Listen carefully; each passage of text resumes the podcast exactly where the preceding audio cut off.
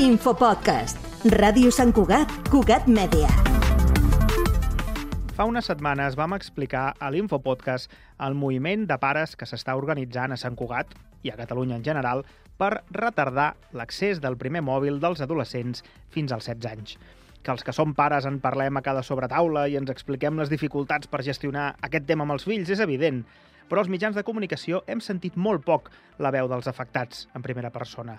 Què en pensen els joves de tot aquest debat? Doncs Cugat Mèdia el que ha fet és reunir a quatre adolescents de 16 anys de Sant Cugat, que són els presentadors del programa L'Hora dels Joves de Ràdio Sant Cugat, que s'emet tots els divendres, per escoltar les seves opinions.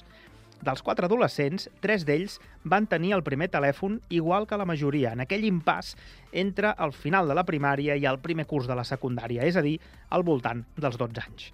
Molts pares pensem que als 12 anys els fills, els fills són encara massa poc madurs per tenir una arma tan potent a les mans, però en Joan Jimeno opina que no es pot generalitzar.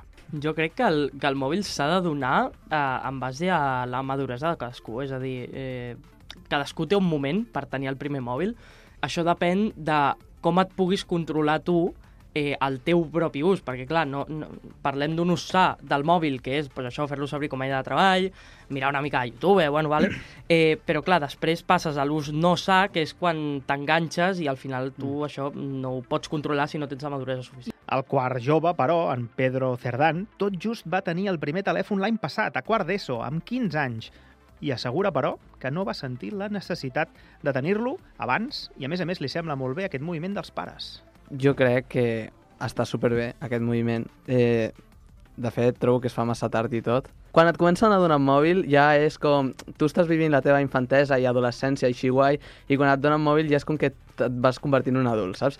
Durant la tertúlia també ens han explicat quines són les normes dels seus instituts, l'Angeleta Ferrer, el Leonardo da Vinci, el Liceu Politécnic i l'Avenç, i queda palès que els centres concertats són més restrictius amb els mòbils, com l'Avenç, que requisa els requisa abans de començar les classes, igual que el Tau. I, en canvi, els centres públics sempre han sigut una mica més laxes, encara que cada cop som més estrictes, com per exemple ho està sent des d'aquest curs el Leonardo da Vinci. Tot i això, en Genís Marcet i en Martí Civit ens expliquen que... Les normes sí, estan, estan però no estan. Estan on, uh, si, hi ha un, si hi ha un profe davant.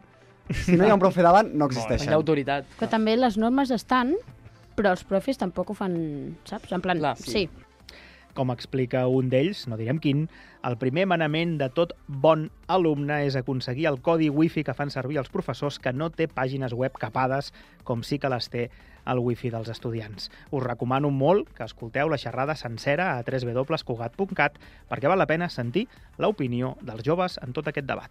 L'Infopodcast és una coproducció de Ràdio Sant Cugat i la xarxa.